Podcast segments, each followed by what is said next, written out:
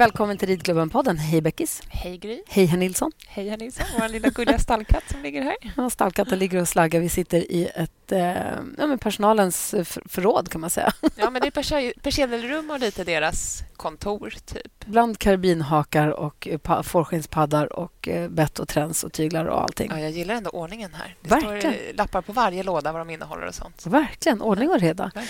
Idag så ska ni få hänga med till Sweden International Horse Show. Första dagen för oss som vi var där på torsdagen Ja. så träffade vi ju Jens Fredriksson.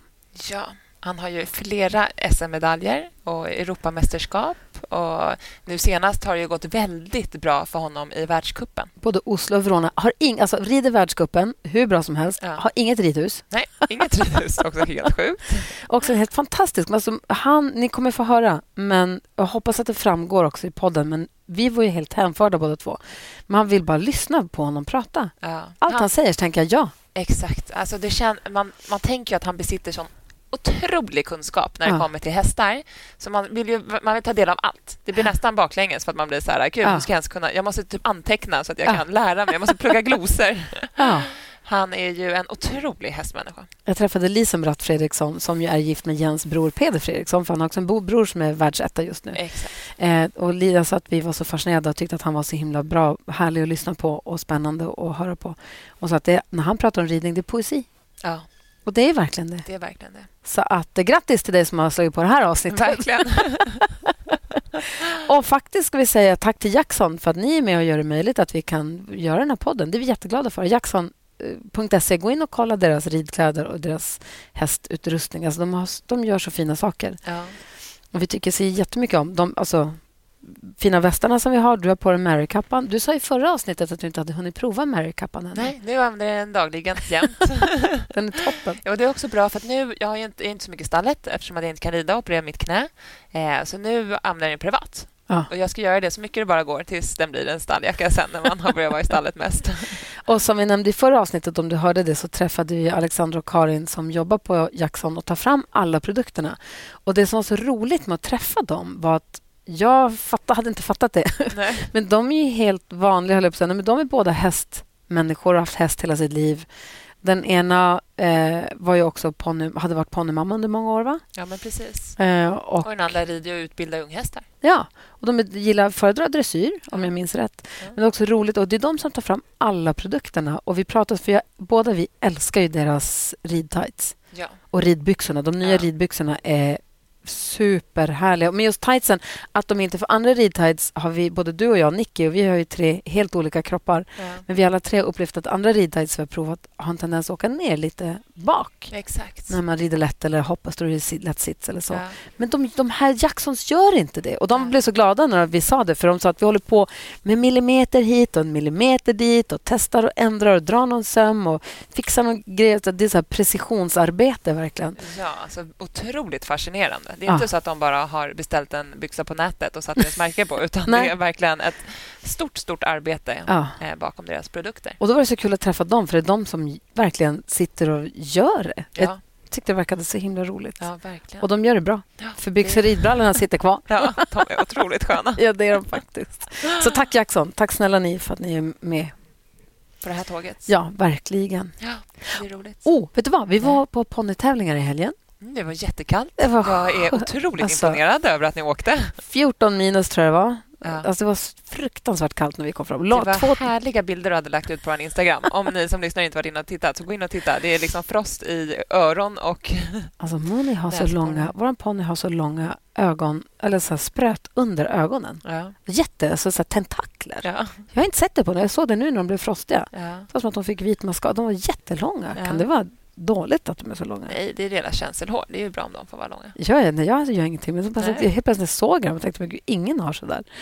Men vi var där. Vi åkte, det var två timmars bilfärd bort. De skulle rida två klasser och frös ju liksom arsle av sig. Jag hade ju täckbyxor och jättetjocka skor och så, här, så det var ju lugnt. Men Ja. de här som sitter i små vita ridbyxor och kavajer och allting. Ridstövlar och... Ridstav, du vet, de hade förfrusit tårna och allting. Ja.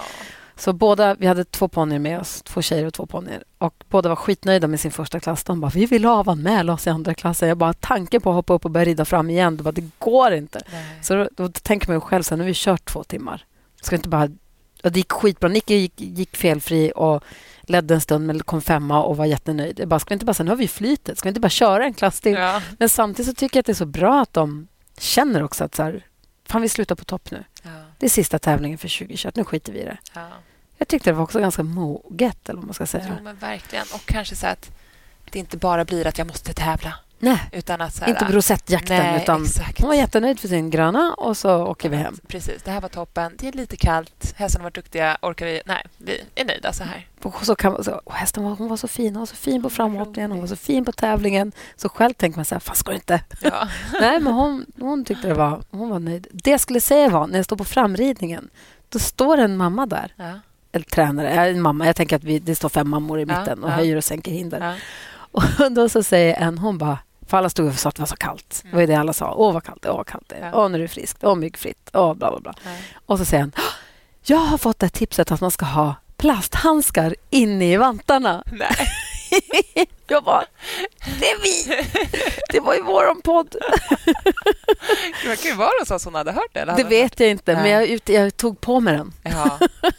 Det är annars, om hon tränar, det var ju Dina Dolk som kom med det stalltipset. Så antingen tränar de för Dina Dolk eller så lyssnar de på oss. Vi, vi tror att de lyssnar på oss. Jag tänkte, jag tog, stod, jag, jag tänkte det där har du hört från min Ja. podd, eller min och Rebeckas podd. Det där kommer från ridklubben. Haha. Och det är ju det som är meningen, att Ja. det här ska sprida sig så att alla kan få lite tips. Så som Lina Dolk sa, disk eller plasthandskar inne i ridhandskarna.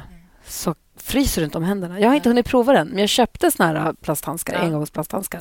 Så jag ska prova faktiskt. För det ska vi också ha när vi har antibit på våra tecken nu när hästarna äter upp dem. Ja. För det är inte härligt att få antibit på i munnen. Om Nej. man får lite på fingret och råkar stå. Det är, smakar verkligen... Jag fick det, det var inte gott. Det var inte gott. Men du- på måndag ska vi hämta hem Kalessi. Va? Ja. Jaha. Det har jag inte berättat. Jag säger det nu. Fölats mamma. Exakt. Fölis fick ju... ehm, Hej, hej. kom Anna-Karin här. Fölis fick en hovböld förra veckan. Nej, Jo, lilla Pluts. Han var jättehalt. nej. Men så var hovslagaren där och de började, det hade liksom kommit fram. För hovbölder kan ju vara i hoven och att de inte kommer fram och att de har halt och man får känna och klämma och kanske sk- skära fram dem. Men den här hade spruckit ut så de såg ju, okej, där har det kommit ut en hovböld. Hur ser det ut? Eh, Det blir typ som att det rinner ut var nästan ur Jag har aldrig haft. Och ibland kan det komma upp peppar. vid kronranden eller bak vid ballarna är ganska vanligt att det Ah. kommer ut. Och ibland får man skära ut dem under hoven. Liksom. Eh, men och det är rätt skönt. Det är typ som att de har haft en finne i hoven. Du vet, det är inte skönt att Nej. gå på det. Och då är det otroligt skönt för dem när det väl kommer Ja. ut sen. Men då började de försöka gröpa ut och göra rent det där. Men han, Kingston tycker det är kul i två sekunder att stå still. Så då kom veterinären i fredags och eh, drogade honom och så fick de fixa och dona med allt det där. Jag tänker att det också är bra att de blir hanterade och tittade av veterinär. Men du vet att så här, Har han blivit lite mer eh, välvilligt inställd till att bli pysslad jo, med? Jo, det går lite bättre att hantera honom nu. Men han, är ju, han, tycker, han tycker att det är kul ett tag. Ja. Men så upplever jag ändå att det är med alla unghästar och som Ja. med barn också. De tycker inte att det är kul att sitta still länge. Och det Och gör ju inte han. Hur gammal är Kalisi? Eh, hon är fyra. Hon fyller fem. nu. Så vad är planen med de andra med hästarna? Hur många hästar Ja, ska... men jag vet, vi har jättemycket hästar. Men Kalise blir ju mammas häst nu då, tills jag kan börja rida. Ja, okej. Och det vill mamma också. Hon bara, ska jag rida, då ska jag rida själv i två månader. Ja, ja, men det är väl Ja, bra. det blir perfekt, tänker jag, för då får mamma göra sin grej. Och hon är också ganska överviktig. Hon är väldigt tjock, hästen. Alltså, inte Alltså, mamma, utan hästen. Jag bara, är väl inte... Nej, inte min mamma, utan hästen. Ja. Så hon behöver också banta och mamma ska börja tömköra henne och lära henne alla Ja. kommando, för hon kan ju liksom ingenting. Eh, men så hon ska komma hem och det ska bli jätte, jätteroligt. Jag ser fram emot det. Ja.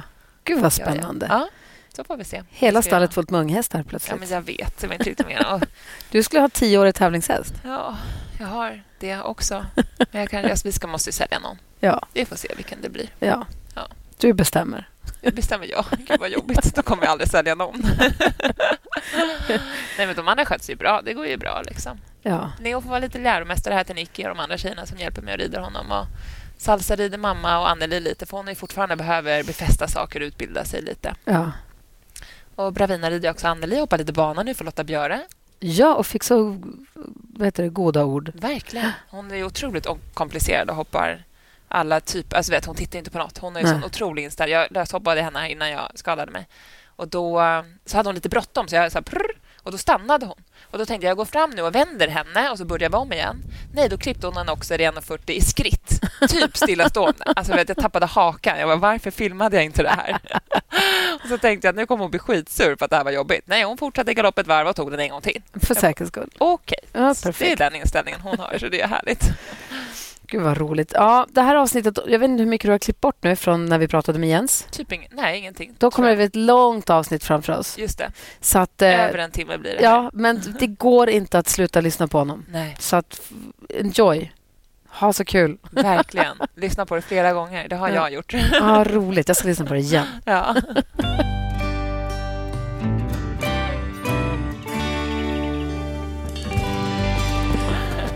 Det börjar, vi sitter med Jens Fredriksson och det börjar med att han säger jag kan er, jag har kollat upp er. Har du researchat oss? Nej, men jag, det har jag hört förut. Vi har träffats i alla möjliga sammanhang Ja. och jag har hört din story där.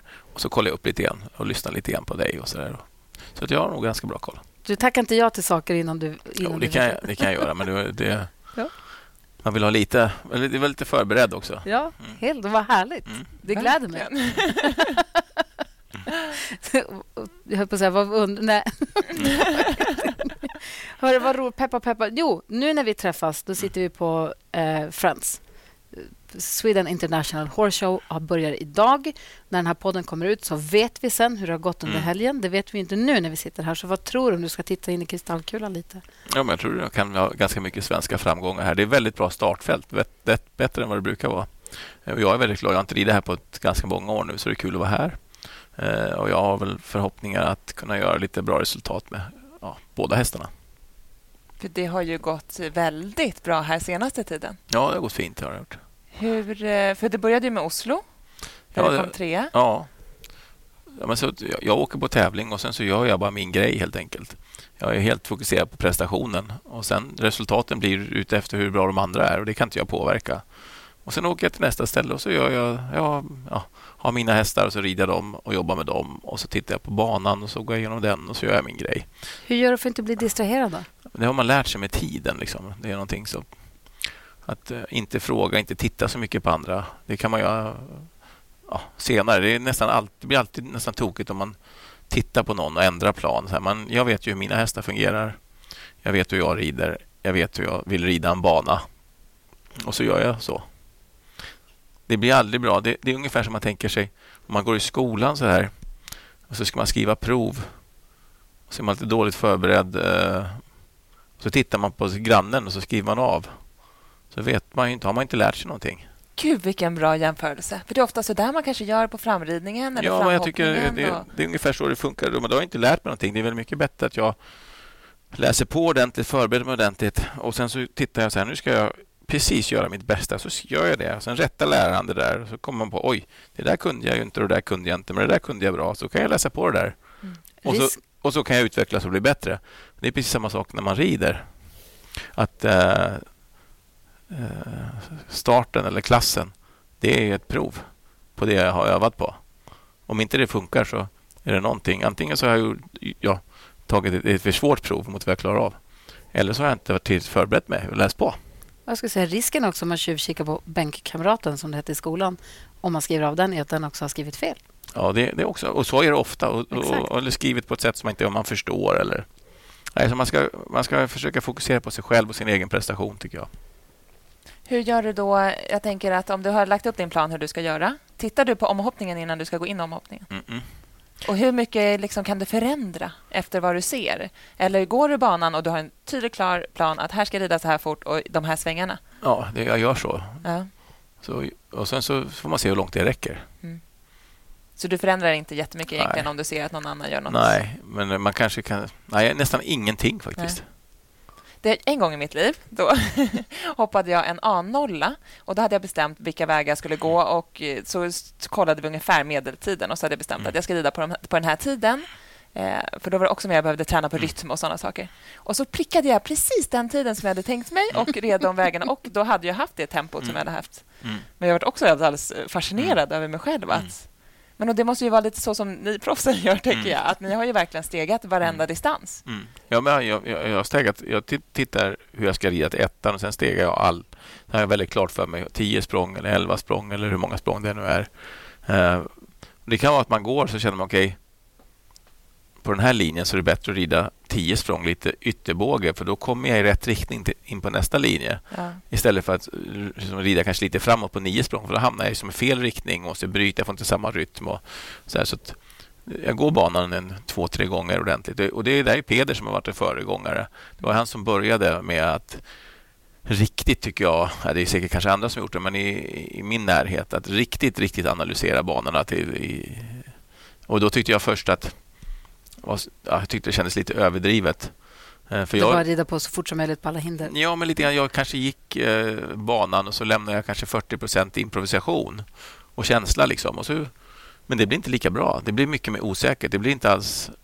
Det, det blir inte lika bra. Det här är ett mycket bättre sätt att rida på. Att man rider vilken nivå tycker du man ska vara på för att börja tänka så? Det kan du göra från början. Ja, för jag tänker ju lite mer att kommer jag nära på den här, då rider jag på 10 och kommer ja. jag på ett stort språng in, då kanske jag kan galoppera på Jag på har ju mig själv liksom. när jag går banan med Nicky, så kan jag säga så här, men det beror lite grann på hur det känns. Mm. Om, du, om hon är på det här humöret, då kan du svänga direkt och mm. gå innanför eller så går du utanför. Och du gör, gör som du känner sig. Och så tänker jag när jag säger att, är det så bra? Nu är inte jag hennes coach, jag, men det är jag som går banan med henne. Ja. Att... Jag tror att det är bättre att bestämma sig för... Och sen så, ut, så bryr man sig inte så mycket om de andra. Och så blir man med tiden bättre och bättre på eh, och, och rida. Så kan man tänka sig, okej, okay, hade jag klarat den här svängen på träning? Har jag övat på den här svängen på träning? Ja, det har jag och jag klarar den. Ja, då är det inga problem. Men om jag aldrig har övat på den där svängen på tävling, varför ska jag göra den på, täv- på träning? Varför ska jag göra den på tävling för? Mm. Så, så förberedelse tror jag är jätteviktigt. Och så lite överraskningar som möjligt tror jag är viktigt. Och det är någonting jag har utvecklat nu i den här sista vändan nu när jag har tävlat. Hur tränar du för att lära dig bedöma avstånd? Jag vet att jag tjatar om det hela tiden, men jag tycker att det är så svårt att bedöma avstånd till bommar och till hinder. Och du är ju inte ensam. Alltså det är otroligt många av våra lyssnare som verkar mm. ha problem med just den här avsprångspunkten. För jag kollade mm. på en, du, hade en liten, du hade en klinik på Youtube mm. som jag tittade på och så galopperade du. hade lagt bommar på mitten på kortsidorna mm. som du galopperade över. Mm. Och det var liksom fem, sex språng innan så hör jag igen säga ja, nu kommer jag lite stort. Mm. Va? Eller, var, eller om du mm. sa så här, nu, kommer, nu blir det perfekt. Mm. Så hur kan han se det där? Jag vet ju det när det är när jag ett galoppsprång. när jag så här, oj, det, alltså jag, jag, jag, hur kan man träna på det? Genom att öva. Ja. det, det, är ju som att läsa ungefär. Ja. Alltså jag håller på att lära Filippa att läsa nu. Och då, så stavar hon de där liksom orden som man säger rid ah. Jag ser ju att det står rida där, mm. därför att jag har övat massa.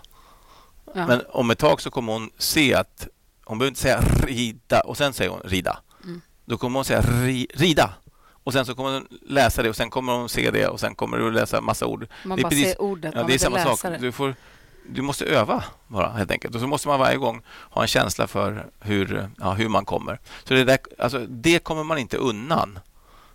Eh, att kunna ha en känsla för avståndet och avståndsbedömning. Men sen är jag är den uppfattningen att man kan inte komma fel. Det är en del säger att jag kom fel. Nej, det kan man inte göra. Men, men eh, man kan understödja den distansen som dyker upp felaktigt. Men du kan i sig inte komma fel.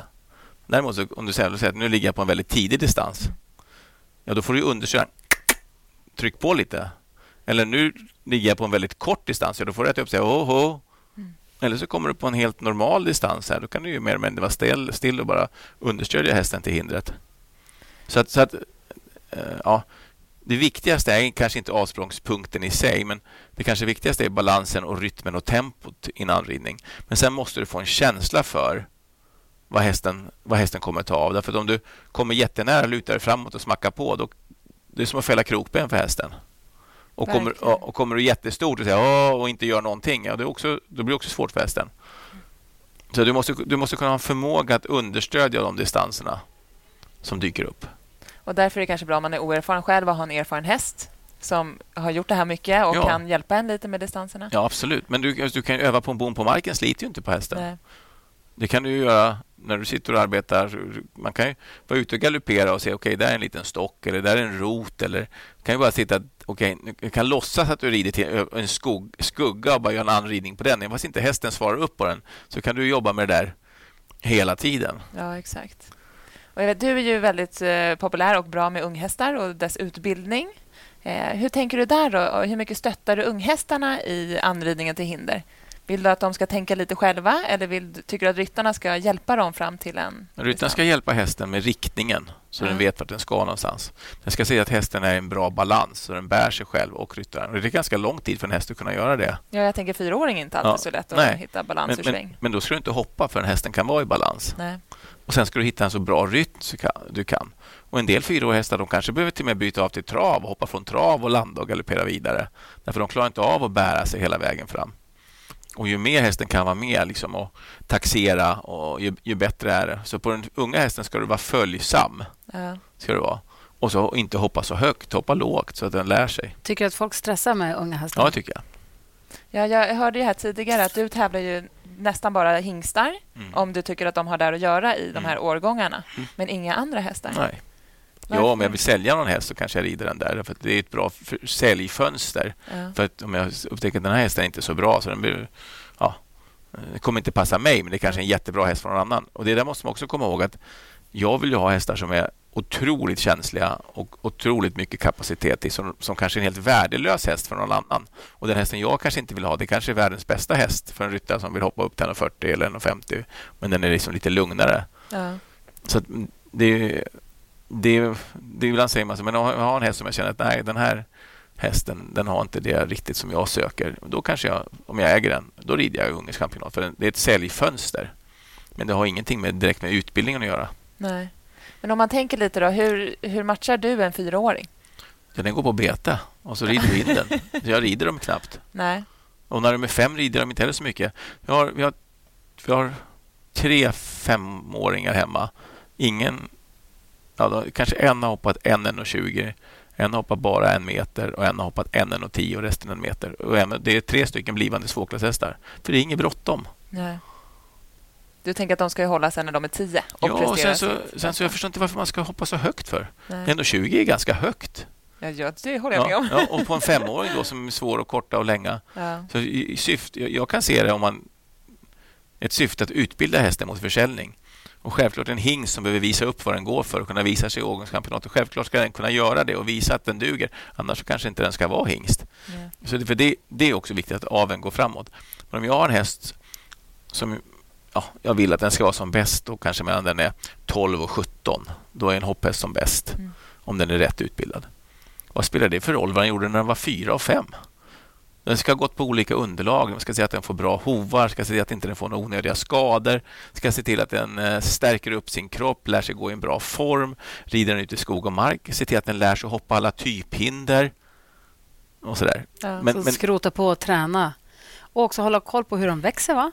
Ja, det, det, det, känner man ju att om de växer och tappar balansen, låt dem vara då. då. Måste, Då ställer du av dem några Ja, månader får och låter dem vila lite. Ja, får de vila lite grann. Man får följa individen. Ja. Och en del hästar är lite tidiga, men de är egentligen inte helt färdigvuxna förrän de är sju. Nej. Om man säger helt. Men hur tänker du då? För du gillar ju lite nerviga hästar Ja. som har mycket blod i Ja. sig. Och de kanske är lite svåra att rida in. Ja, Eller? Det tar lite längre tid. Ja. Och kräver... tar du dem, tycker du att det är bättre då att du kanske tar dem och lite mer regelbundet en kort tid och sen ställer du ut dem på bete och sen tar de en period till? Eller har de hemma och kanske rider en dag, vila en dag, rida en dag, vila en dag? Ja, alltså, ser en, en fyraåring kanske vi rider tre till fyra dagar i veckan. Ja. Eh, och gärna att om du ska hoppa en fyraåring till exempel så gärna att du gör precis samma övning dagen innan men bara bommar på marken. Mm. Så att, de känner igen sig. Ja, och så känner de igen sig. Då har de travat över det där. kan du göra det trav första dagen. Och så nästa dag så kommer du dit och så gör du det i galopp. Lite upphöjt. Ja, då får du inga stopp. Eller du, får, så du får inga problem. Undvik att utsätta hästen för svårigheter eller överraskningar. Skola den så, så att det blir lätt och lustfyllt. Den viktigaste egenskapen för en hopphäst är att den har hoppglädje. Ja. Och den ska hoppa hela sitt liv. Ja. Gud, det låter så enkelt och självklart. När du säger det så tänker jag bara, ja men det är klart. Ja, men de säger, Det är klart det är så man ska göra. Men de säger att jag har en duktig fotboll. Man vill inte sätta dit de säger, de säger att i fotboll till exempel, om du har en riktigt, riktigt, riktigt, riktigt duktig, talangfull 12, 13, 14-årig fotbollsspelare. Om du ser till att den spelar match tre dagar i veckan och tränar två gånger om dagen så vet du när den är 15 så är den slut. Ja. Det kommer inte bli någonting av den fotbollsspelaren. Utan då måste den träna säga ho, nu här så lägger, lägger vi in lite annan typ av träning. Och En viktig bit är återhämtning och vila. Ja. Gå hem och sköt din skola ordentligt. Du får bara träna tre dagar i veckan. Ja. Du får bara spela en match i veckan. Ja. Och du kanske inte ens ska spela båda halvlekarna. Nej. För vi är rädda om dig. Ja. Vi vill att du ska vara 25 år och spela landslaget och bli jävligt duktig. Om du har vunnit Kalle Anka Cup här 17 gånger, liksom, det spelar ingen roll. Det är inte det som är det viktiga. Nej.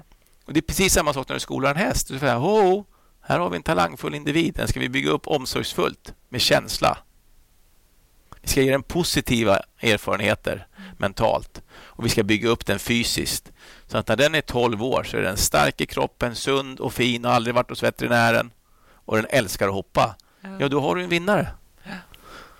Ja, för det ser man ju också i startfältet att det finns ju så mycket olika typer av hästar nu. Och det är ju inte alltid den som har den bästa tekniken som vinner. Utan det känns som att det är så mycket mentalitet också och den här glädjen Nej, att det de är vill. bara mentalitet. Så en, en bra en häst som vill hoppa och som har blod, den listar ut hur den ska göra med sin teknik. Ja. Det där med teknik, det, det är ja, det är lite grann av uh, makeup, Ja. om man säger. Det är lite, det är lite fake. Så här. Det är jättefint med en bra teknik, men vad spelar det för roll om den har jättebra teknik och inte den vill hoppa? Nej. Och en som eller verkligen, skadar sig om den ja, men en häst som vill hoppa, en riktig häst som verkligen vill hoppa, den listar ut hur den ska göra det där och hantera den där Ja. tekniken.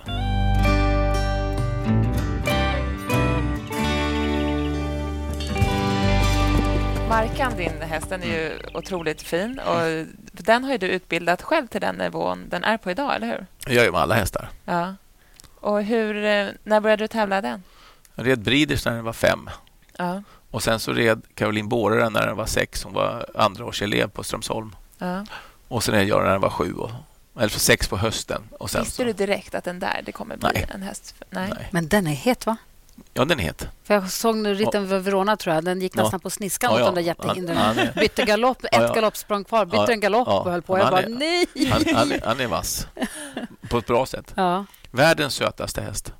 Ja. Han, är så, alltså han skulle aldrig bitas eller sparkas. Eller, men han kan vända om och skena åt andra hållet. När man leder den och så Ja, också? ja, eller när du mest sitter när man på, sitter på, så Ja. Perfekt! Ja. Alltså. Men jag, jag gillar det, som har det där nervet i sig. Nu, nu, en, en bra häst gör en väldigt sällan besviken. En bra häst, när det inte går bra så vet man alltid att det är ens eget fel. Det är någonstans i kanske förberedelser, uppladdning, genomförande så har man gjort något fel och så kanske det blir fel. Men en bra häst gör en aldrig besviken. Nej. Men hur visste du, eller om du inte visste då, då att det där kommer bli din framtida stjärna. Vad var det som gjorde att du ändå... Ja, men vi, den jag, jag, man, man, man såg att han hade talang. Ja. Men så är det ju, jag har kanske haft tusen hästar i träning Mm. i mitt liv. Och så att 15 av dem har gått femstjärnig Grand Prix och nationshoppning. Och då hade man från början sagt allihopa nej men det här blir nog inte bra. Då. Man måste liksom rida varje häst som om den skulle bli en stjärna för annars så blir den inte det. Nej. Det finns inte en chans för en häst att bli bra om inte någon som tror på den. Nej, det är faktiskt helt sant. Det, är tror jag är samma sak med människor. Ja. Du ser så snäll ut när du säger det också. Ja, ja. Men man måste tro, man måste tro på den. Ja. Det, det, det är, Jag kände att jag var en häst och så tänkte jag, han tror på mig nu. Ja, ja. Ja. Men tror man, eh, och, och då börjar du lista ut saker och ting med den här hästen. Då börjar du lista ut hur den trivs och ridas och hur den ska värmas upp och hur, vilken balans den tycker om att hoppa i och hur den vill hoppas och hur den vill landa. Och du, måste lista, eh, du måste lista ut det. Ja, men om man inte har ridit tusen hästar, som du har gjort, då, hur, hur mycket tycker du att man ska anpassa sig efter hästen som individ? Eller blir det att hästen får anpassa sig lite efter mig som ryttare? Men det är väldigt svårt att förklara det för hästen. Att den ska anpassa sig efter dig. Jo, men jag tänker att man kanske är på ett sätt som Nej, du vet. nej. Eller det är man kanske Nej, inte. det tror jag inte. Nej, nu, man får nog det, anpassa sig efter hästen. Ja. Tror Men jag. blir inte hästar formade efter sina Jo, de blir väldigt formade, men man får ändå hitta de där små Ja. Alltså, hästarna blir formade väldigt mycket i, i vilken ja, form de går i, helt enkelt. Eh, Så en del, en del ryttare rider hästarna väldigt djupa och de får mycket av det. En del rider de lite högre och en del rider de djupa så de kan bär, lyfta upp dem lite grann med bibehållen ryggverkan. Och, alltså, ridning är sjukt komplicerat. Jo, Mm. Är det. Alltså, grundridning och, det blir bara svårare och svårare faktiskt. Ja, och roligare och roligare. Ja. Och man blir, jag är extremt ödmjuk. När jag kollar på de filmerna så tycker jag det är så dåligt när jag hoppar. Alltså jag tycker det är helt fruktansvärt dåligt. Jag kan, måste, ibland måste jag nästan lägga ifrån mig den här filmen. Ja, för jag tycker det ser helt fruktansvärt ut. Sen så när jag som kan släppa det så tittar jag igen och så tittar jag färdigt. Sen tänker jag, fan vad dåligt jag rider. Och sen utifrån det så börjar jag titta, vad jag kan göra bättre? Och det där kunde jag gjort bättre där och det där kunde jag gjort bättre där. Varför Eh. är du så sträng mot dig själv? Nej, men jag är inte sträng, inte vet jag. Men jag, bara, jag känner så. Det är ingenting jag har bestämt mig för. Jag tycker alltid det. Att, så, ja, Men på vilket sätt tycker du att du rider dåligt? Eller liksom... men jag tycker den, varför tog jag den halvhalten för där? Och varför gjorde jag så Ja. där? Och varför kastade jag fram axeln där? Och varför gjorde jag så där? Och varför gjorde jag så där? Varför gjorde jag så där? Jag skulle kunna gjort så här och så här och så här istället. Men du har väl jobbat ganska mycket med dig själv genom alltså hela din ryttarkarriär? Ja, men jag, jag, jag, Jag tänker Jo. man kan inte göra mer än sitt bästa. Nej, det kan man inte. Men Då får, då får man vara nöjd. Men jag har alltid som den här känslan av att på något sätt... Ja, Fan vad sorgligt att vara en av de bästa i världen och sen känna att man ja, inte när är jag bra. var yngre så tyckte jag det såg riktigt bra ut. Och ju äldre blir, ju mer jag lär mig. Desto Jo. mer vet du hur bättre det kan bli också. Exakt. Ja. Så när jag, när jag var ung där, då tyckte jag faktiskt att det här är bra. Det ser bra ut. Och, och ju mindre man kan, ju lättare är det med ridning. Och ju mer du kan, ju mer komplicerat är det. Gud, ja. Det är som du sa också i den där kliniken som jag tittar på. Att, att göra någonting svårt dåligt, det är enkelt. Mm. Men att Ja. göra någonting... Eh, vad- Det är- gör det enkla riktigt enkla, bra. riktigt bra, det är svårt. Det är det ja, det är skitsvårt. Och det är så bra sagt, tycker jag. jag Ja. bara, vänta nu. Pausa bara. Ja. Just det. Ja. För det är exakt så det är i ridning. Ja. Alltså en halvhalt, det kan vara det svåraste i hela världen. Ja, och, det, och, det, och det är bara det det handlar om. Ja. Det är bara det, är bara det du kokas ner till sen. Kan du göra en helt perfekt övergång från trav till skritt med en rak häst, eftergiven häst som vinklar sig rätt, lyfter manken, lyfter magen, släpper ner halsen med en stängd mun. Då kommer också kunna balansera den i vilken anridning som helst. Ja. Så, att, så därför jag har döpt om på riksanläggningen, jag har döpt om grundridning till framgångsridning. Ja. Så vi ska inte jobba med grundridning idag, vi ska jobba med framgångsridning. Därför det enda sättet att få framgångar det är att vara skicklig på grunderna. Mm. Ja. Eller göra det enkla ruskigt bra. Ja. Det, det, det, ju mer, ju, ju er, mer erfarenhet man får, ju mer kokar man ner det till att det här grunderna. Ja. Därför, där, och, Framgångsridning. ja, och Det där, är Det och är där, det jag ska börja Ja. med. Ja. Ja. därför, ja, jag tycker ofta man jobbar med... Jag tycker själv så här, ska jag jobba med grundridning, det låter så tråkigt. Gör det. Ja. Det låter, det låter mycket roligare att jobba med framgång. ja, det låter mycket roligare. Så att, Men också, vad är grundridning då? Om du får... Framgångsridning. Okej. Ja. förlåt. Vad, om, om du får Jo, men nya det- ekipage, Mm. vad tänker du? Vad, Ja, men jag brukar alltid- grundridningen? Ja, liksom? jag brukar alltid se till att ett är att du kan rida från punkt till punkt. Att du inte rider på spåret. Att du lägger en volt som är helt rund. Att du gör övergången exakt vid en viss punkt. Att du hittar nya linjer. Egentligen om du rider precis... Om du, när du värmer upp din häst, om du rider i ridhuset precis som hindren står. Det står aldrig ett hinder på spåret. Nej. Där står stödet. Ja. Sen har du en bom som är tre meter, sen står stödet, nästa stöd. Så att ungefär ja, en och en halv, lite drygt meter innanför spåret ska du alltid rida, så hästen lär sig att gå där. För det är där den ska hoppa sen. Ja, och det Ja. spelar ingen roll. Är den Ja. på diagonalen så är det inte heller några väggar Och sen, där. så, sen studsa inte på kortsidan. Hörnpassering. Vänd över ridbanan tre meter före kortsidan och rid till en ny punkt. Gör en hörnpassering och rid rakt. Ska det är svårt nog. Ja. Och det är början till att rida en bana. Ja. Sen går du in och gör en diagonal eller du gör halvt igenom eller du gör... Och så hittar du de här linjerna. Och sen när du kan göra det i galopp och byta galopp utan att hästen ändrar, ändrar riktning, tempo och balans så kan du rida en massa banor så här utan hinder. Men du kan göra det i perfekt balans, perfekt i det tempot du ber om med raka galoppombyten utan att den byter riktning.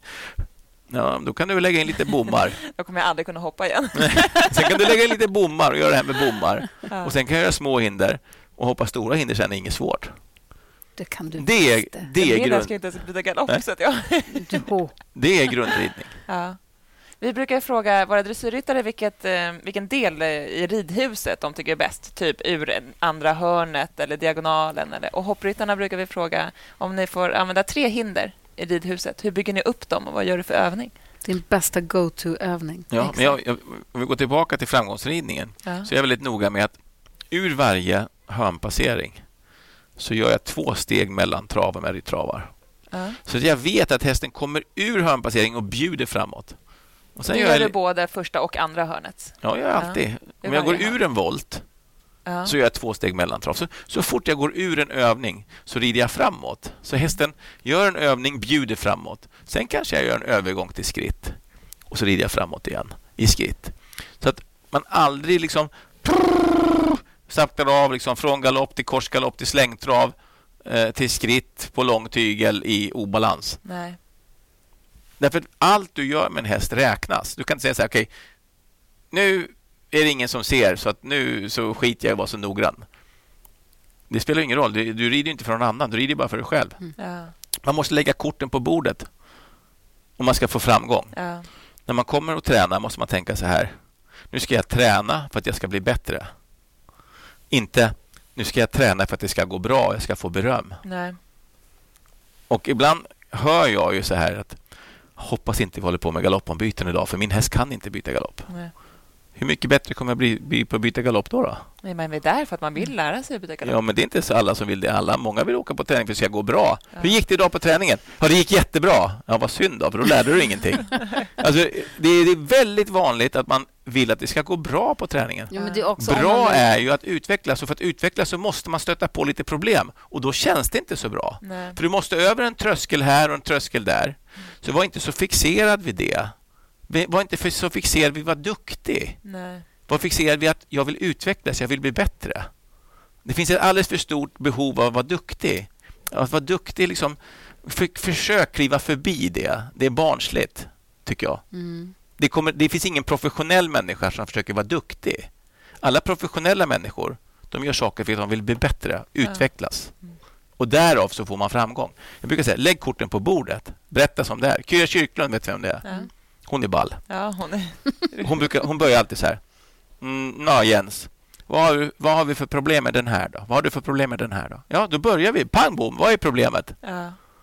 Jag tycker det är ganska... Alltså, då behöver man inte hålla på och dölja det lite grann för att man, för att man ska vara duktig. Nej. Det Utan är det där, om det man är kort- för en tränare man ser upp till mycket första gången eller kanske en Mm. gång bara, då är man kanske mer mån om att visa upp eller få prestera eller för att man vill få den där bekräftelsen att Jens tyckte jag var bra. Mm. Ja. Eller Jens vilket, är gillade full, min häst. vilket fullständigt ointressant. Ja, men däremot tionde gången, då kanske det är härligt att säga, eller femte gången, Ja. vad har du för problem? Mm. Tänker jag mig att Mm. man tänker... Men jag tror det är lätt att man hamnar där. Och speciellt om man rider i grupp. Därför då kanske man vill vara duktig. Då kanske man vill vara bäst i gruppen. Eh, och då blir det lätt som tränare. Liksom, att om du står där som tränare och du har fem stycken som rider den här gruppen. Och så är det en som utmärker sig som är jätteduktig och som då stylar och kanske lite halvnoschig mot sina kamrater. Då kan man till och med bli så här liksom att nej, men nu får hon fanta med ge sig. Så ger man en svår övning till den där stackars ryttaren så håller man fram den den näst bästa nästa gång de kommer. Då blir det den som var näst bäst som känner sig lite duktig. Alltså det blir helt fel. Ja. Det är inte så träning ska gå till. Du tränar för din skull, du tränar för din skull, du tränar för din skull. Vi jämför oss inte. Vi tittar på varandra. Ja. Vi tar lärdom av varandras misstag och, och, och framgångar och sådär.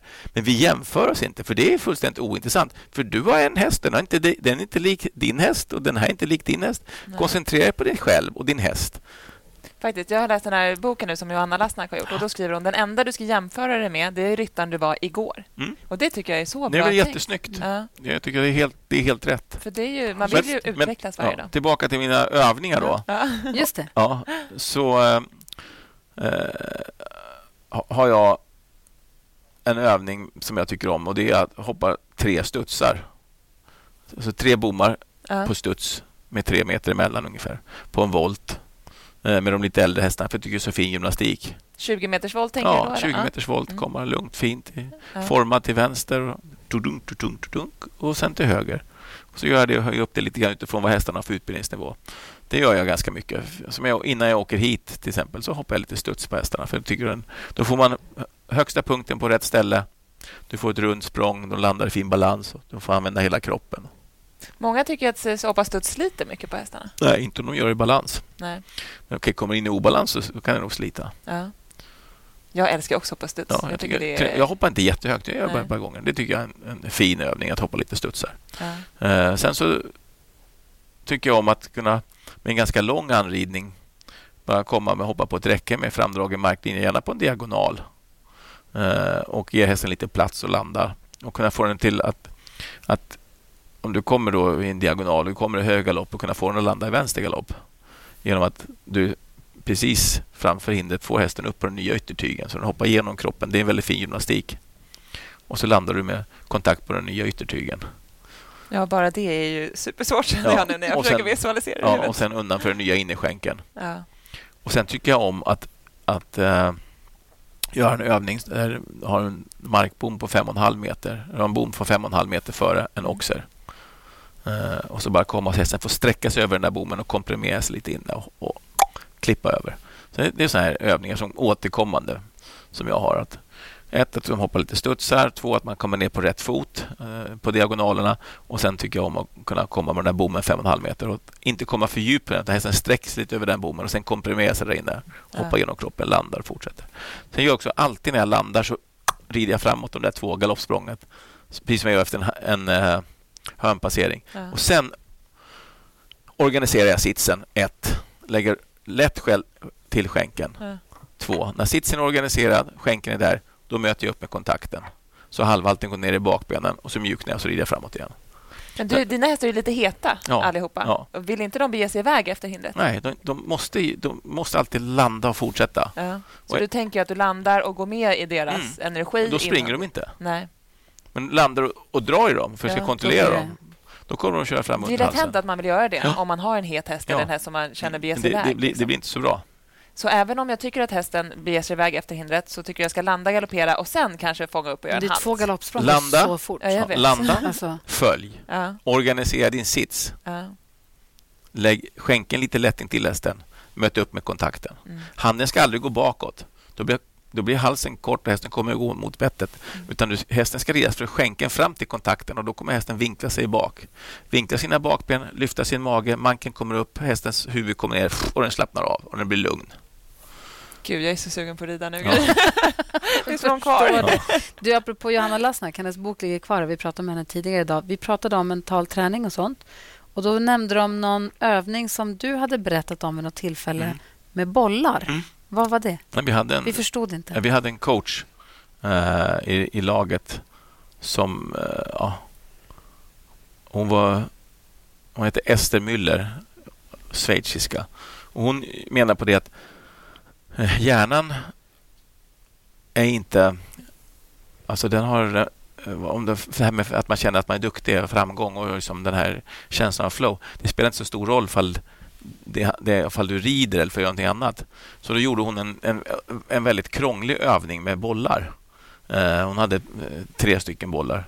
Och så sa hon så här, eh, om jag säger blå så ska du fånga bollen med höger hand. Säger jag gul ska du fånga med vänster. Eh, säger jag röd ska du fånga den underifrån med höger. Eh, säger jag orange så ska du fånga den si. Eh, säger jag svart ska du fånga den under benet Mm, med höger hand. Och så, och så, fick, så fick man 20 såna här olika. Och så började hon kasta så här. Så sa hon gul. Och så kom man inte ihåg det, för man var så fokuserad på det här som hade gått dåligt. Och då kunde du inte komma ihåg det där. Så fick man börja om, så körde man det där en timme. Efter en timme kände du dig otroligt duktig igen. Alltså, Ja. för så du klarade av den övningen. Och då var du tillbaka mentalt. Skitsmart. Ja. Så det spelar inte så stor roll. Alltså, ja, fall det handlar om, utan då, då, kände, då, då kunde du gå tillbaka. eh, ett sätt att hitta tillbaka från att man känner sig dåligt till att man exakt, det är känner sig bra. självkänsla. Ja. det var ganska elegant. Mm. jag. Verkligen. Ja. Vi har fått mycket lyssnarfrågor här. Ja. Ska vi ge oss in i dem? Mm. Eh, Alex, Mm. hon undrar lite hur träningsveckan ser ut för eh, hästarna när det är tävlingssäsong, Mm. men också hur träningen ser ut på tävlingsplatsen. Mm. Ja, som när, när mina hästar kommer hem från tävling eh, så släpper jag dem i hagen. Eh, och ofta det, första dagen så är de ganska lugna. Liksom, för De har täv, hoppat tre dagar kanske och åkt lastbil och så, här, så de är ganska lugna. Så jag oftast har första dagen som återhämtning. Och så nästa de går i stora gräshagar mina hästar. Eh, året runt. Och sen nästa dag så eh, ja, kanske den också är lugn. Då låter den vara. Tredje dagen släpper jag ut så kanske den far iväg i galopp med svansen i vädret. Då börjar jag rida den. Mm. Och då, då rider jag bara lite lätt fin dressyrarbete. Jag gör nästan alltid det. Rider ut en tur. Skritt, trav och Du värmer nästan alltid upp en sväng ute. alltid. Ja. Eh, jag, har- jag har ingen ridhus heller. Jag, jag har bara en utebana. Va? Nej, jag har ingen ridhus. Du har en fin utebana har jag sett också, men Ja. jag trodde du hade ridhus. Nej, jag håller på att bygga det nu. Ja. Cosmopolit hoppar in så mycket pengar så jag kan bygga ridhus. Jag håller på att bygga ridhus. Men jag, Jag ska för, fortsätta det ute. Jag rider väldigt mycket ute. Ja. Ja, det antar jag i och med att du inte Ja, ridit. ja. Men jag rider alltså, Ja. inte på banan utan rider ja, Ja, ut på vägar och skog. och så här. Skittar inte upp på asfalten. Och, så, och Sen så går jag och trimmar lite grann. Och sen så har hästarna gått bra på helgen. Så här, då kanske jag bara gör den här studsen innan jag åker på nästa tävling. Då gör jag inget mer. Har de inte, har de inte gått bra, så jag varför har det inte gått bra för?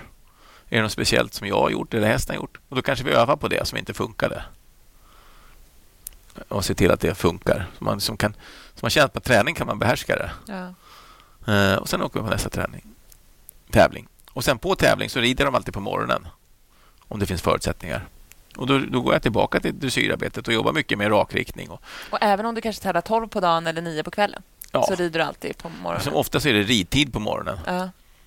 Ja, som här i morse kunde man vara inne klockan åtta och rida i stora manegen. Då är det väldigt skönt att komma in där så hästarna sett det, liksom. har sett det och varit där. Så.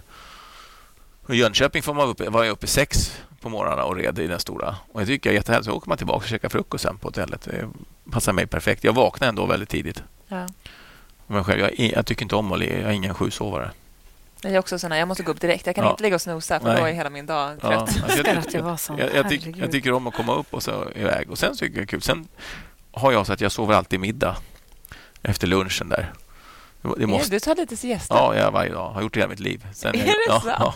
Det är min mamma, det är mamma och Ja. hennes snubbe också. De sover alltid, eller han Ja. framförallt, han snickar också uppe tidigt. Ja. Så alltid middag. Mm. Jag tror man lever... Du kommer bli hundra, vet du det? Ja, det vet jag inte, men jag, sov, jag sover det. Och det där kan vara ett dilemma. För ofta går Grand Prix när vid ett Nej. någonstans. Nej, Skalman. Ja, så då, Nej, då måste jag lura kroppen.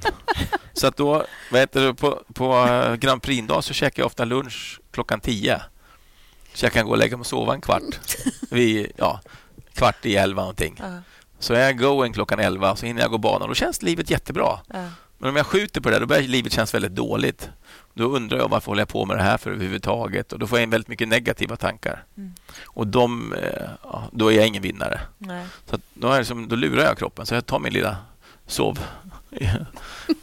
Men är det så att du kan somna var som helst? Ja. Är du bra på att somna? Kan jag du lägga dig på kan en lägga här. För det, tror jag, det där är, det där är en, ett framgångsrecept. Alltså. Och det tror jag för att hela mitt liv har jag jobbat tre pass. Jag har jobbat en förmiddagspass eh, och eh, ja, med att rida hästar. Har jag jobbat en eftermiddagspass, ofta med kanske sköta gården och fixa dona. Och så jobbar jag kvällspass med undervisa. Så, att, så är jag med, och då kan du inte få in den där siestan då, så då orkar du inte köra tre pass. Nej. Då kanske du bara orkar köra två pass. Och då hade inte jag haft de här framgångarna. Vilket är det konstigaste stället att sova middag på? Men jag kan sova, jag, ofta sover jag i bilen. Jag kan, lägga mig i, jag kan lägga mig utanför en box eller på ett par täcken och somna. Eller, och det är ingen som stör mig. För när jag var yngre tyckte jag det var pinsamt om någon såg att man sov. Det, Ja. det har jag kommit förbi. Ja. Jag, sk- jag skiter i det. Det där är härligt med att bli äldre. Ja. Att man Ja. eh, tänker inte så mycket på alla andra ja. Så Nej. jäkla härligt. Ja, gud vad roligt. Och sen en annan då. Det är Siv som har skrivit. Varför tror du att det är mer killar än tjejer i världseliten? Undrar hon.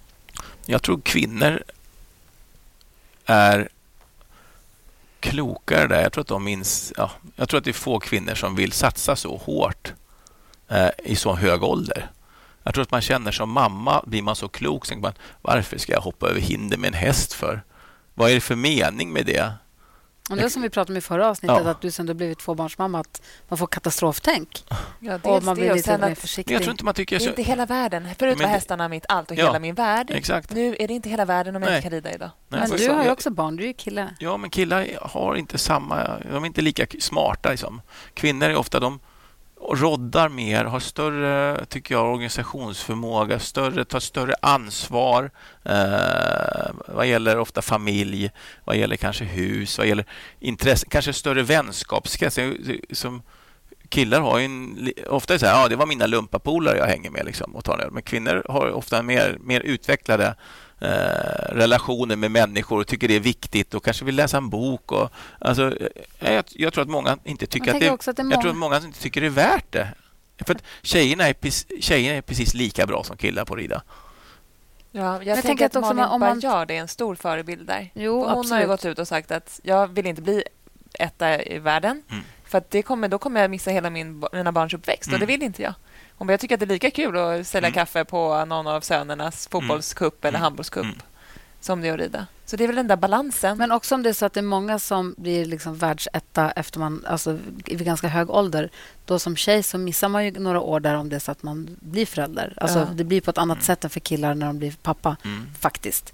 Med kroppen och med... Jo, men, liksom och även med, knopp, även med knoppen, Ja. tror jag. Ja, För det man tror jag värde, också. jag tror man värderar saker annorlunda som, som mamma, till exempel. Man kanske tänker så här, men tänk om jag nu störtar och det, slår ihjäl mig. Vem tar hand om mina barn?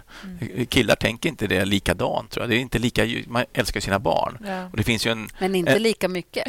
Ja, men jag tror kanske lika mycket, men på ett annat sätt. Ja. På ett annat sätt. Alltså, mamma, liksom, mamma är nära och så här. Liksom. Ja.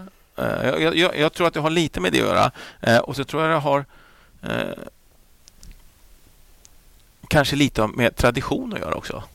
Alltså, jag tror det har lite med tradition att göra också. Att jag tror att som en, Malin Baryard tror jag är en jättebra förebild eh, och, och bryta en sån tradition. För det känns ju som att det börjar komma fler och fler tjejer och framförallt unga tjejer nu upp i Ja, om tittar man i dressyren så har du ju otroligt skickliga kvinnor Ja. som rider på absolut högsta nivå Ja. och som är urduktiga. Eh, och som också hanterar barn och familj och, och så vidare och kan motivera sig. Men där tävlar de inte lika mycket heller och lika ofta som Nej. vi gör. Det, där är kanske lite mer träning hemma. Ska du vara tävlingsryttare på högsta nivå så är det så här, du är hemma högst två dagar i veckan, ofta en dag. Du tävlar 45 helger om året Ja. om du vill bli världsetta. Ja. Är du beredd att satsa det? ja, Det är det det handlar om. exakt. Jag tänker på nu när vi sitter här på Friends under SIHS. Du var ju med dina föräldrar som liten på Falsterbo och i Skandinavien och så där. Tittade på alla stora Mm. stjärnorna. Hur känns det när du tävlar på de här stora tävlingarna nu? Jag är väldigt mån om att heja på alla och försöka ja, uppmuntra ungdomar och så där. Försöka vara en bra förebild. Och, och sen så har jag behov av att vara lite ensamtid. Då går jag till hotellet eller till lastbilen och så sover jag en timme eller hänger för mig själv. Men jag försöker alltid... Ja, för jag vet det själv hur glad man blev när man var liten och någon kom och hälsade och frågade hur det gick. Eller jag gratulerar ungdomarna när de vinner. Jag var och kollade på den här klassen idag där. Och, när ungdomarna red och så där. Jag tycker det är viktigt. Men känner du att du är där du drömde om att vara när du var liten? Nej, jag tror att det har jag passerat för länge sedan. faktiskt. Jag, när jag var liten så tänkte jag om jag får en röd ridjacka och vinner medelsfor B, då kommer jag vara nöjd. Och det har jag gjort nu. Vad härligt.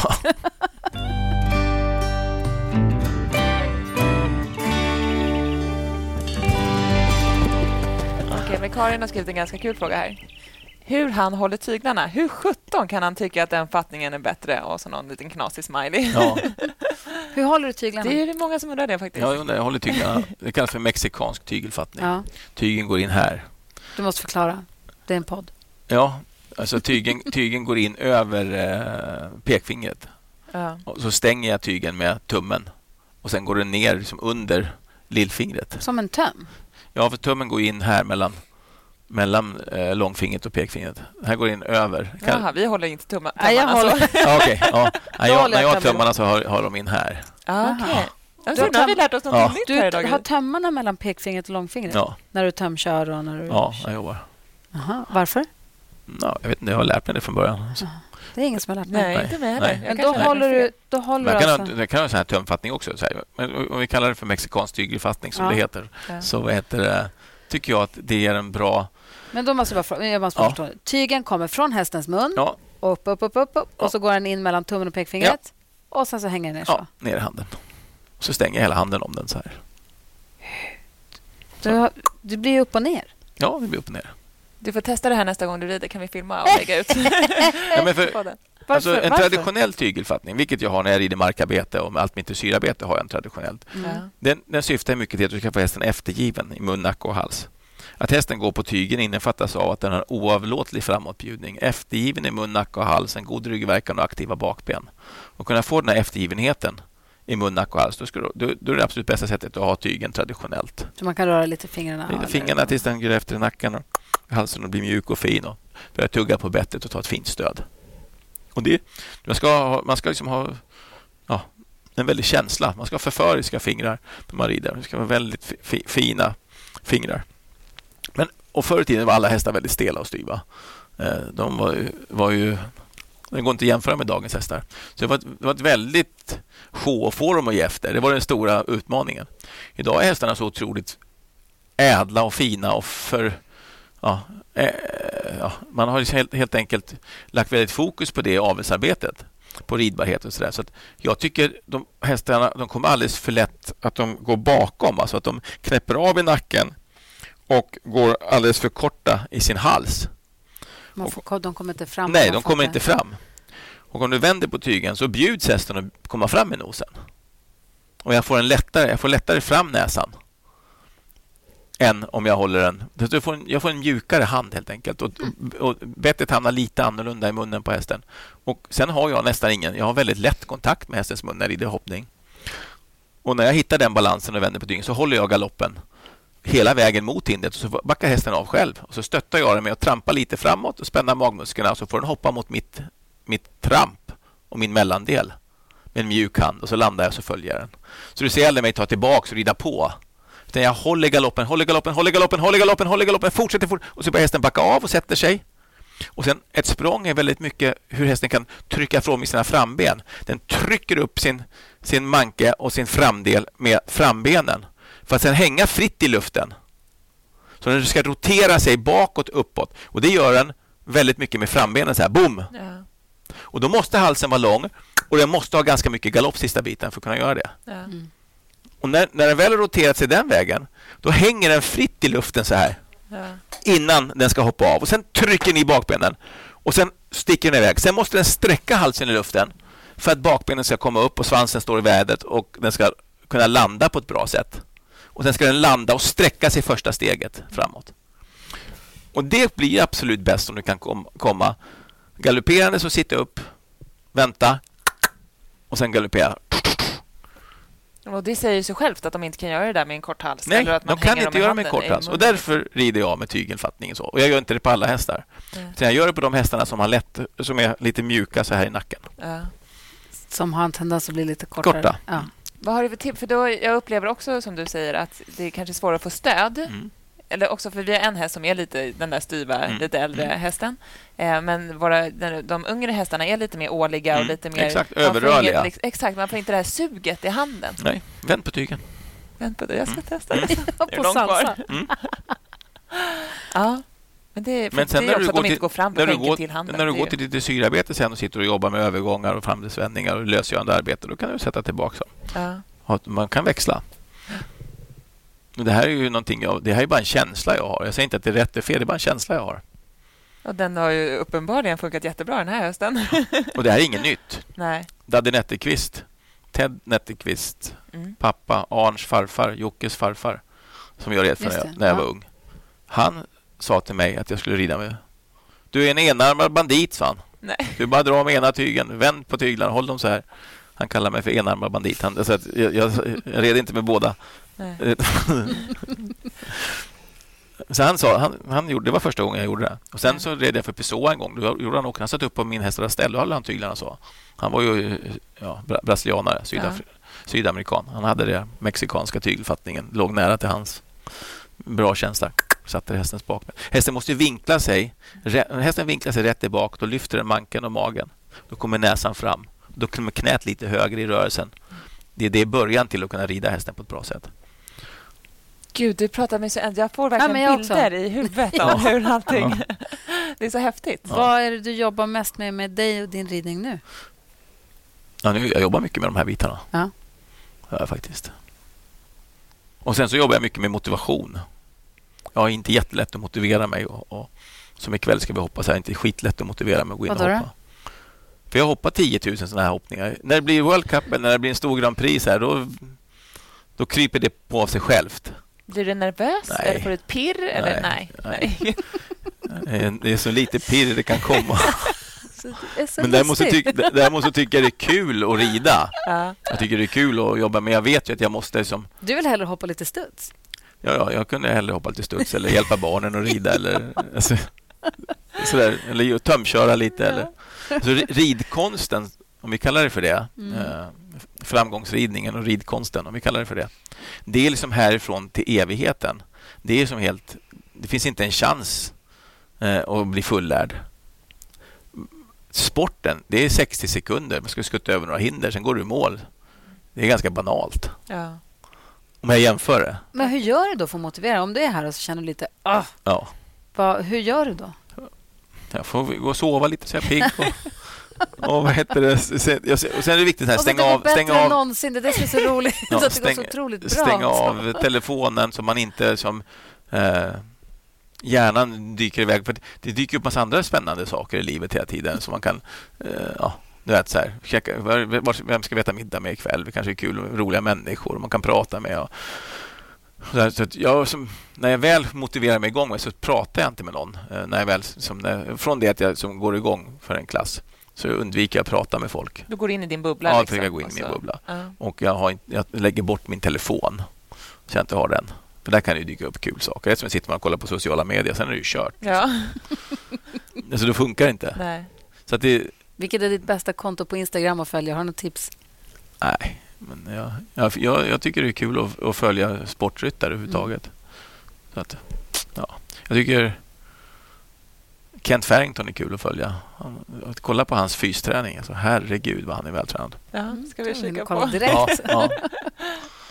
Och tränar du någonting avsuttet? Och vad tränar du då? Ja, jag, jag, jag går aldrig på gym och sådär. Det är inte riktigt min grej. Men jag har gått ner åtta kilo eh, i den här satsningen. Och det, det var nödvändigt för att jag var alldeles för stor för att kunna göra bra sport. Så att Och hur Det- gjorde du då? Bara styrde om jag le, käket? levde liksom, jag lever sundare. Jag käkar mer morötter istället för chips ungefär. Så här. Till mycket morötter blir det.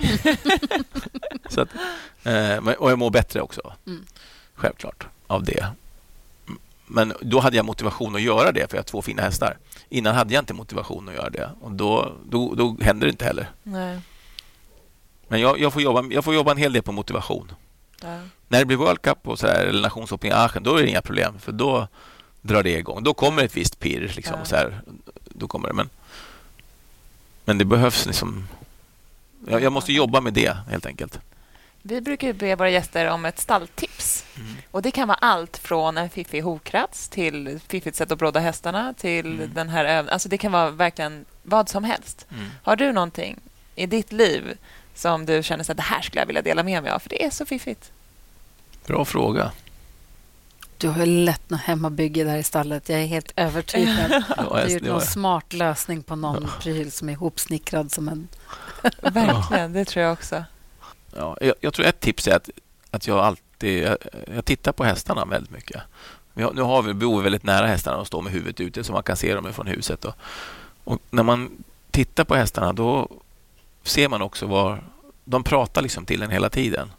Jag tror att det är jätteviktigt att ska man få framgång så måste man vara mycket med sina hästar. För då ser du just de här små sakerna. Att vi skulle egentligen åkt och tränat idag men när jag släppte min häst i hagen så såg jag att han var inte pigg. Han var inte där. Det blir ingen träning ikväll. Nej. Att man är ett steg före i allting. Ja. Vi ska hoppa ett viktigt hoppas imorgon. Då gör vi allting idag fast vi gör det på 40 centimeter. Så vi vet att det inte kommer några överraskningar. Så allting kommer sitta där helt perfekt imorgon. Så jag tycker att förberedelse tycker jag är mitt stalltips. Ja. Ligg ett steg före hela tiden. Och också det som du var inne på inledningsvis, att man ska försöka hjälpa hästen istället för att försöka sätta dit den.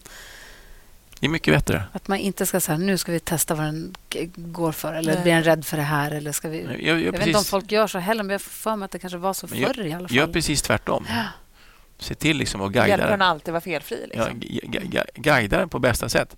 Jag, jag, när jag rider på, jag kan säga så här, när jag rider en ung häst, då tittar jag knappt på hindren. Jag bara galopperar så får hästarna titta och lösa det där. Då tycker de det är skitkul. Ja. Annars blir det som morsan ute och hoppar den liksom, och, och bestämmer allting den hästen ska göra. Det blir inte så jävla kul för den. Nej. Det är ungefär som att gå och städa rummet. Ja. Utan det, det blir ju ganska spännande. Mm. Eh, så gör jag även nu. Men jag, och då blir det lite roligare också. Då får jag mer motivation. Som i eftermiddag ska hoppa Cosmo 1,50. Så galopperar jag på. Så kommer han spetsa öronen och jobba med hindren. Sen understödjer jag honom med de distanser som dyker upp. Men jag tänker inte så här, nu ska jag komma rätt. Utan jag tänker att jag ska ha den bästa rytmen, jag ska ha den bästa balansen, jag ska sätta ett bra tempo utifrån de distanserna som finns. Och sen sköter han hoppningen. Ja. Då tycker han det är skitskoj. Ja, gud, man måste nog tänka med. Det är så lätt att man, om man ska hoppa den där stora oxen som man tycker är lite, lite hög, Mm. att man tänker att nu får jag inte komma fel. Mm. Och då är det klart som tusan att Mm. man kommer fel fast Mm. det inte finns något fel. Mm. Det är bättre att hålla galoppen och understödja det som kommer. Och sen blir det tokigt ändå ibland. Ja, det blir för alla. Det, det blir för alla. Ja. Det, det är bara så. Det är, Men man ska, rida, man ska rida på hinder som om inte de går att riva. Nej. Man rider på hindren som, inte, som, som, som det inte går att riva dem. Nej. Då blir det som bäst. Men om man tänker så här, nu måste jag hoppa felfritt, ja, då, Oh, inte riva det där räcket. ja, det, det, det, Ja, det funkar absolut inte. Börjar man tänka, jag ska inte riva, då är det ju tvärkört. Ja.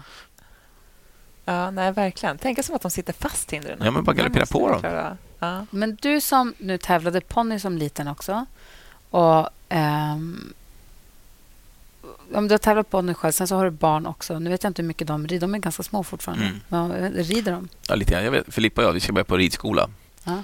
Ska vi göra. Eh, Hon ska rida på ridskola. tycker jag är bra start. Härligt. Vi var besökte en ridskola här. Jag har gjort det två gånger. Så hon känner sig lite trygg i miljön och sådär. Hon, nu är hon jättesugen och tjatar om det. Ja, perfekt. Mm. För det var, eh, den ena frågan är, Rebecca har en dotter som hon vill ska bli hästintresserad. Mm. Hur ska man få in dem i det? Ute, för man vill ju också man vill ju uppmuntra till att vara i stallet, för jag är ju mycket i stallet. så Hon följer gärna med mig dit. Och nu tycker hon det är kul, men hon är också bara två. Mm. Så vissa dagar är hon så här, mamma jag vill rida. Och då Mm. har vi en shettis som hon får Mm. rida på. Och vissa dagar vill hon åka dit och typ gräva i sandlådan. Mm. Och då kan hon göra det också. Mm. Men sen, jag tänker att det är så lätt att man du vet, vill så mycket och så Mm. väl för sina barn att det blir för mycket. Men jag tror så här, vill, det där måste komma naturligt. Därför om de kanske inte vill rida, då tycker jag de ska inte behöva det. Nej. Då kanske de inte har den liksom Lyssna djurkän... inte på honom. Ja, De kanske inte har den djurkänslan liksom, eller den intresset av djur och eh, sådär. Jag tror att man... Jag tror hästarna ska vi egentligen... Vi ska se till att det är bara människor som älskar hästar och älskar att rida som rider. Ja. Och jag- ska man- känner sig tvingad att rida, då blir det inget bra alls. Utan det där, antingen växer det fram en passion och kärlek till hästarna. Eller Ja. så gör inte det. Och gör inte det, tvinga inte henne. Låt henne spela fotboll eller någonting annat. Ja. Och jag som har en dotter som är 12 som tävlar sin C-ponny Mm. och rider lätt C lätt B Mm. och tränar för tränare Mm. och rider ut och har kul med sina. Mm. Hur ska jag göra för att vara bästa ponnymamman eller ponny eller vad heter det? Föräldern till henne. liksom. Mm. Vad har du för tips till mig? Du måste ha Alltså, sett jag- några jag- ponnymammor och Ja. pappor passera, tänker jag. Ja, herregud. Exakt, jag vill inte bli en av dem. Nej. Nej, men jag tycker det är samma sak där. Liksom att man, man får väl ha diskussioner. Hur mycket ska vi satsa? Liksom? Vad, vad vill du? Det är viktigare vad hon vill än vad du vill, Ja, tycker jag. Så det, det, jag, det, det sämsta tycker jag det blir när man föräldrar tävlar genom sina barn. Det, Ja, nej, det, är den tråkigaste. Ja. Men sen måste man supportra barnen på ett bra sätt och se till att de ja, blir bra kamrater med sina... De, alltså det, jag tycker det är viktigt att man är, att man är en bra idrottsperson. Att man gratulerar den som vinner, att man eh, ser till att man gläds åt andras framgångar, att man inte blir så liten, liksom, utan man orkar vara lite större där och att man hela tiden förstår det att oavsett hur det går så klappar jag på min ponny eller min häst. Mm. Eh, Häst, hästar är ett resultat av hur man ar- arbetar med dem. Därför hör jag ofta en del säger så här, "Ah, min häst går inte att rida ut på. Ja, men det är inte korrekt. Jag kan säga så här, jag kan rida ut på min häst. Därför tar vi ett Imon Hickey, efter tre minuter så står han på den där hästen när han rider ut. Mm. Så att det är inte hästen som är problemet. Nej. Det är ju jag som är problemet. Ja. Och Det tror jag är väldigt viktigt att förstå. att det här, för det, Ibland blir det så här, ja, ja, min häst är så här. Nej, det är den inte. När du rider den så är den så där. Men sätter vi upp den här bryttan, eller om jag ska rida den, då är den inte så. Så Nej. vem är det som är problemet här? Är det du eller är det hästen? Ja. Det är ju du. Ja. Det är ju aldrig hästen som är problemet. Nej, faktiskt. Sen jag kan- är också, jag Sen, sen, inte sen, kan inte, sen kan inte hästen... Man kan inte begära att hästarna ska klara av saker som inte de är skapta för. Och Det tycker jag är en viktig bit, att man ger dem lagom svåra uppgifter. Och där tycker jag med C-ponnyer så tycker jag att det är jättebra att de hoppar lätt C, lätt B, lätt D. För C-ponnyer, det är ju som... Jag tycker det, när jag, jag var lite ledare för ponny under en period där. C-ponnyer som ska hoppa medelsför A, jag tycker det är fruktansvärt högt. För de är ju som fortfarande ponnyer. Det är så lite welshkorsningar och allt möjligt. Mm. Däremot D-ponnyer, då är det ofta riktiga hästar liksom, som är små riktiga hästar Ja. med hopphärstamning och alltihopa. De kan ju skutta över 1,30, det är inga problem. Men de här små ponnyerna med så här smala ben och C-ponnyer som skuttar fram där med lite welsh och russ i ska liksom hoppa 1,20 liksom. Herregud. Då blir jag jättenervös. Och jag är jätteimponerad av de som klarar av det. Ja. ja, det kanske är sant. Men jag tycker... Jag, jag, Men det där tycker jag är så härligt nu när vi var tävlade, som nu var i Sundbyholm nu här i höstas. Alltså, på, ibland på framridningen så är det ganska gräsligt föräldrar och coacher och om vartannat, eller ridlärare. Och, och någon ska sänka och någon ska höja och det ska mm. trängas. Och det ponnysarna vill in fast det ponnysarna inte klarar. De, det, är så här, det är ganska rörigt ja. och ibland lite så här halvkonstig stämning. Ju. Men sen ibland är det så jäkla mysig stämning. Mm. Och Då blir jag så himla mm. varm i hjärtat när folk står mm. där inne och är trevliga. Och mm. man står för så här, vi sitter alla i samma båt och hur mm. fan hamnar vi här? Och så står man och garvar lite. Jag vet inte. Och nu, vad det nu kan vara. Att man, så här, att man, att man levlar med det varandra. Tycker det tycker jag är superhärligt. Ja. Också just som du säger, man kommer ut från banan och någon säger grattis. Eller vad jag tycker, jag tycker, det, det, det, det, som, mam som, ja, som mamma är du på rätt väg, tror jag, om du kan ja, fostra den. Och, och det, är också, det, kan bli, det blir framgång av det också. Mm. Du, det finns någonting, I slutänden så finns det någonting som gör att det där goda du har med dig och det positiva, det får du tillbaka. Ja. Det kommer vara så. Alltså jag, jag hamnade i en sån situation här för ett tag sedan på något sätt som jag tyckte var kul. att Jag hade en bästa, bästa, bästa kompis när jag eh, gick från eh, lekskolan till åttan som hette Fabian Fischer. Vi som var tajtaste, man kan inte bli tajtare bodde i Uppsala i Sunnersta. Han bodde på Rosenvägen 58 och vi bodde på en liten gård. Och, ja, vi hängde jämt. Och han var smart. Så det är lite hans fel att jag tycker att jag har lite jobbigt med skolan för han var så smart så att jag tyckte alltid att jag var lite dålig. Mm. Men jag var bra på annat. Liksom. Så, så jag var lite bättre på idrott och slöjd och, och teckning och han var lite smartare på ja, matte och svenska. Och så. Men vi hade kul, riktigt, riktigt kul. Och Sen flyttade vi till Flyinge och han blev kvar där uppe. Och vi, han var ingen hästkille. Så vi, som, ja, vi höll inte den där kontakten riktigt. Så ringde han mig för ett tag sedan och så sa han ja, vad kul igen, så jag har sett att det går bra för dig och så där. Eh, och nu har jag en fru som kommer från eh, Skåne och på sommaren är vi i Skåne. Det vore kul om vi kunde träffas. Och jag förstår ju det. Det, kanske, det bästa är kanske att köpa en häst till dig. Därför att då, då har du förmodligen tid med att umgås lite grann. Jag tycker det var så jävla god insikt. Men då tänker jag så här, det där roliga vi hade, det glömde inte han. Och jag glömde inte honom heller, så jag Nej. åkte upp och hälsade. Så jag, tror, jag tror det här Alltså, om man kan... Jag tror att det är farligt att bli för mycket mamma, pappa, barn. Mm. Eh, och alla andra emot oss. Och man blir så småttig för en dag. Jag tror det bästa är att barnen kan så tidigt som möjligt frigöra sig. ibland så ser jag så här så barn som är 25 år, mm. inom citationstecken, eh, som lever med mamma och pappa fortfarande och åker på tävling och dit och Jag tror inte att det är vägen till framgång. Jag tror att det krävs en rätt hyfsad tidig frigörelse om man sticker iväg det är min uppfattning. Mm. Sen kan man ha andra uppfattningar. Eh, men jag, inom vår sport så ser jag lite... Jag kan se 30-åriga barn ibland som säger mamma och pappa och på tävling. och så här. Jag tror inte det är sunt. Sen kan man sen, behöver sen, mamma sen, sen kan man, man har inte råd ja, men då, får, ja, men då, funkar, då, då, då, får man hitta en annan väg ja. i det, tror jag. Jag tror att vill man verkligen satsa på sporten, sen kan man göra det för att det är en kul grej, man jobbar med någonting annat och så där. Men jag tror att det är viktigt att jobba med det sportsliga, att man kan gratulera andra, att man kan glädjas med andra, att man kan supporta andra, man kan hjälpas åt, man kan dela kunskaper ihop, man kan diskutera.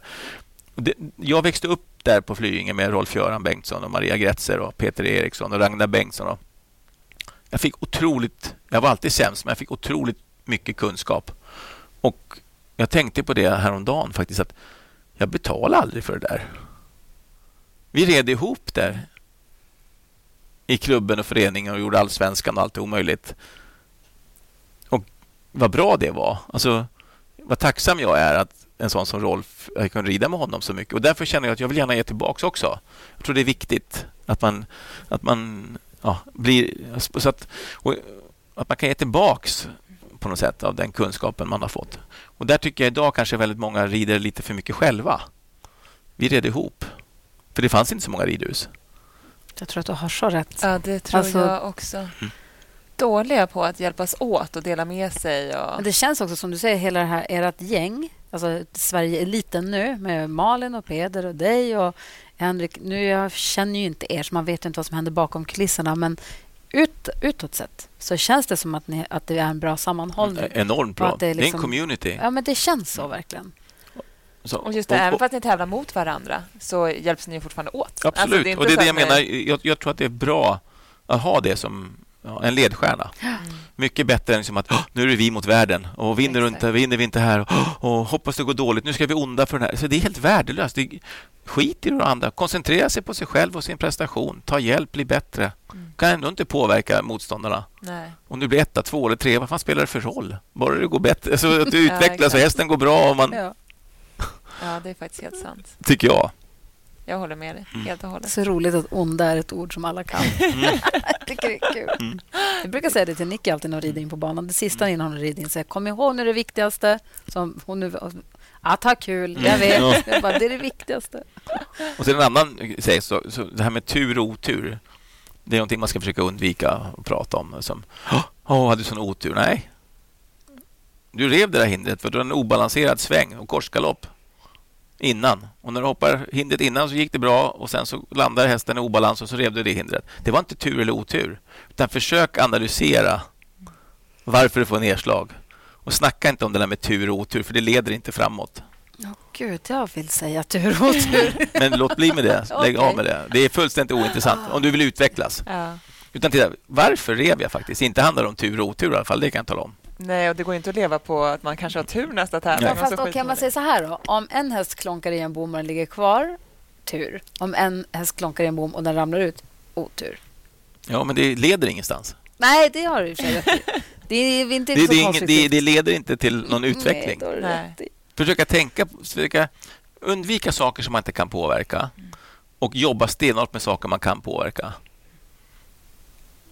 Och just det, för mig ibland, ja men det, ja, alltså, som tävlingsryttare sätta på sig offerkostnader, jag har inga pengar och det kan inte gå. Eller jag har inte, ja, men det, det, går, det finns alltid lösningar. Alltså det som kännetecknar en riktigt bra ryttare är att han aldrig ger upp. Nej.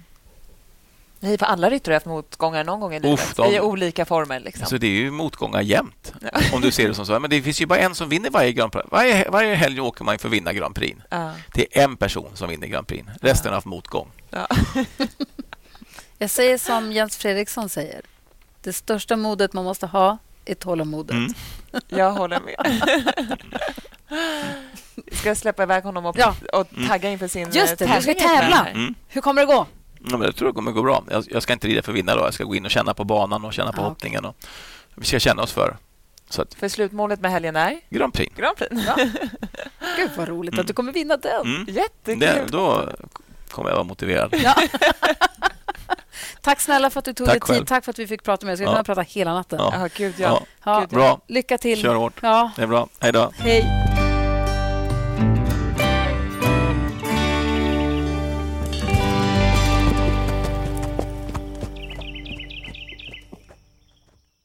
Ny säsong av Robinson på TV4 Play. Hetta, storm, hunger. Det har hela tiden varit en kamp. Nu är det blod och tårar. Fan händer just nu. Det. är Detta är inte okej. Robinson 2024, nu fucking kör vi! Streama söndag på TV4 Play.